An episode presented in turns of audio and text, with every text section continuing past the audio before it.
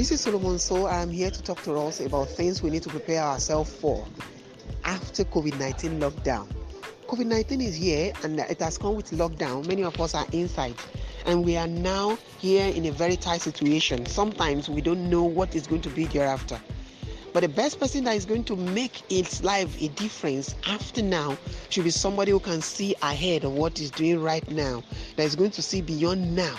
And how he sees himself and what he does after now is going to what's going to give him a hedge ahead.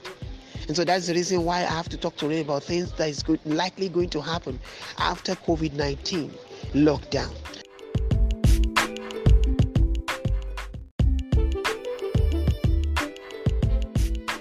Number one, in the positive way, is that let us prepare for a, an, a mass job opportunities. I have to let you know. I know many people lost their jobs, but it is very clear that there is going to be a mass job opportunity.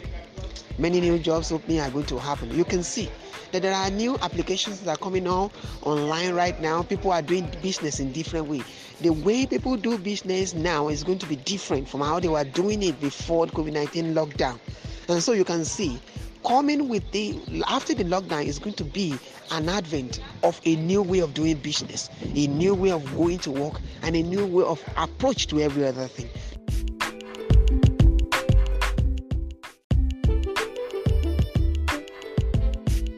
Number two that we need to learn is also that there's going to be a massive increase in deals of people in deals and offer for people. When I say offer and deal, it can be in terms of wage or salary or what people will be rewarded with. So I want you to know today that that is one thing that we need to prepare ourselves for because the wage wage remuneration and salary scale is going to be of a difference. But for any person, it can either be positive or negative. It can either be that there will be a raise in the in the in the in the in the salary scale, or it's going to be a lower in the salary scale. But obviously, there's going to be an upgrade, a change in the salary scales of people. Number three.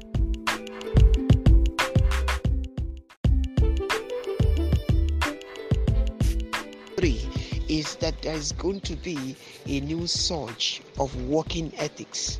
Now, like I have just told you, there's going to be different way by way people do their job, different different way. But also, there's going to be a new job, a new surge new technology, new skills, new regulation and real new new laws, new regulation and new laws are going to come up in this time. So new laws and regulations in the workplace because work is not going to be like before again. You need to prepare and you need to broaden our mind for what is going to come up after now. And number. F-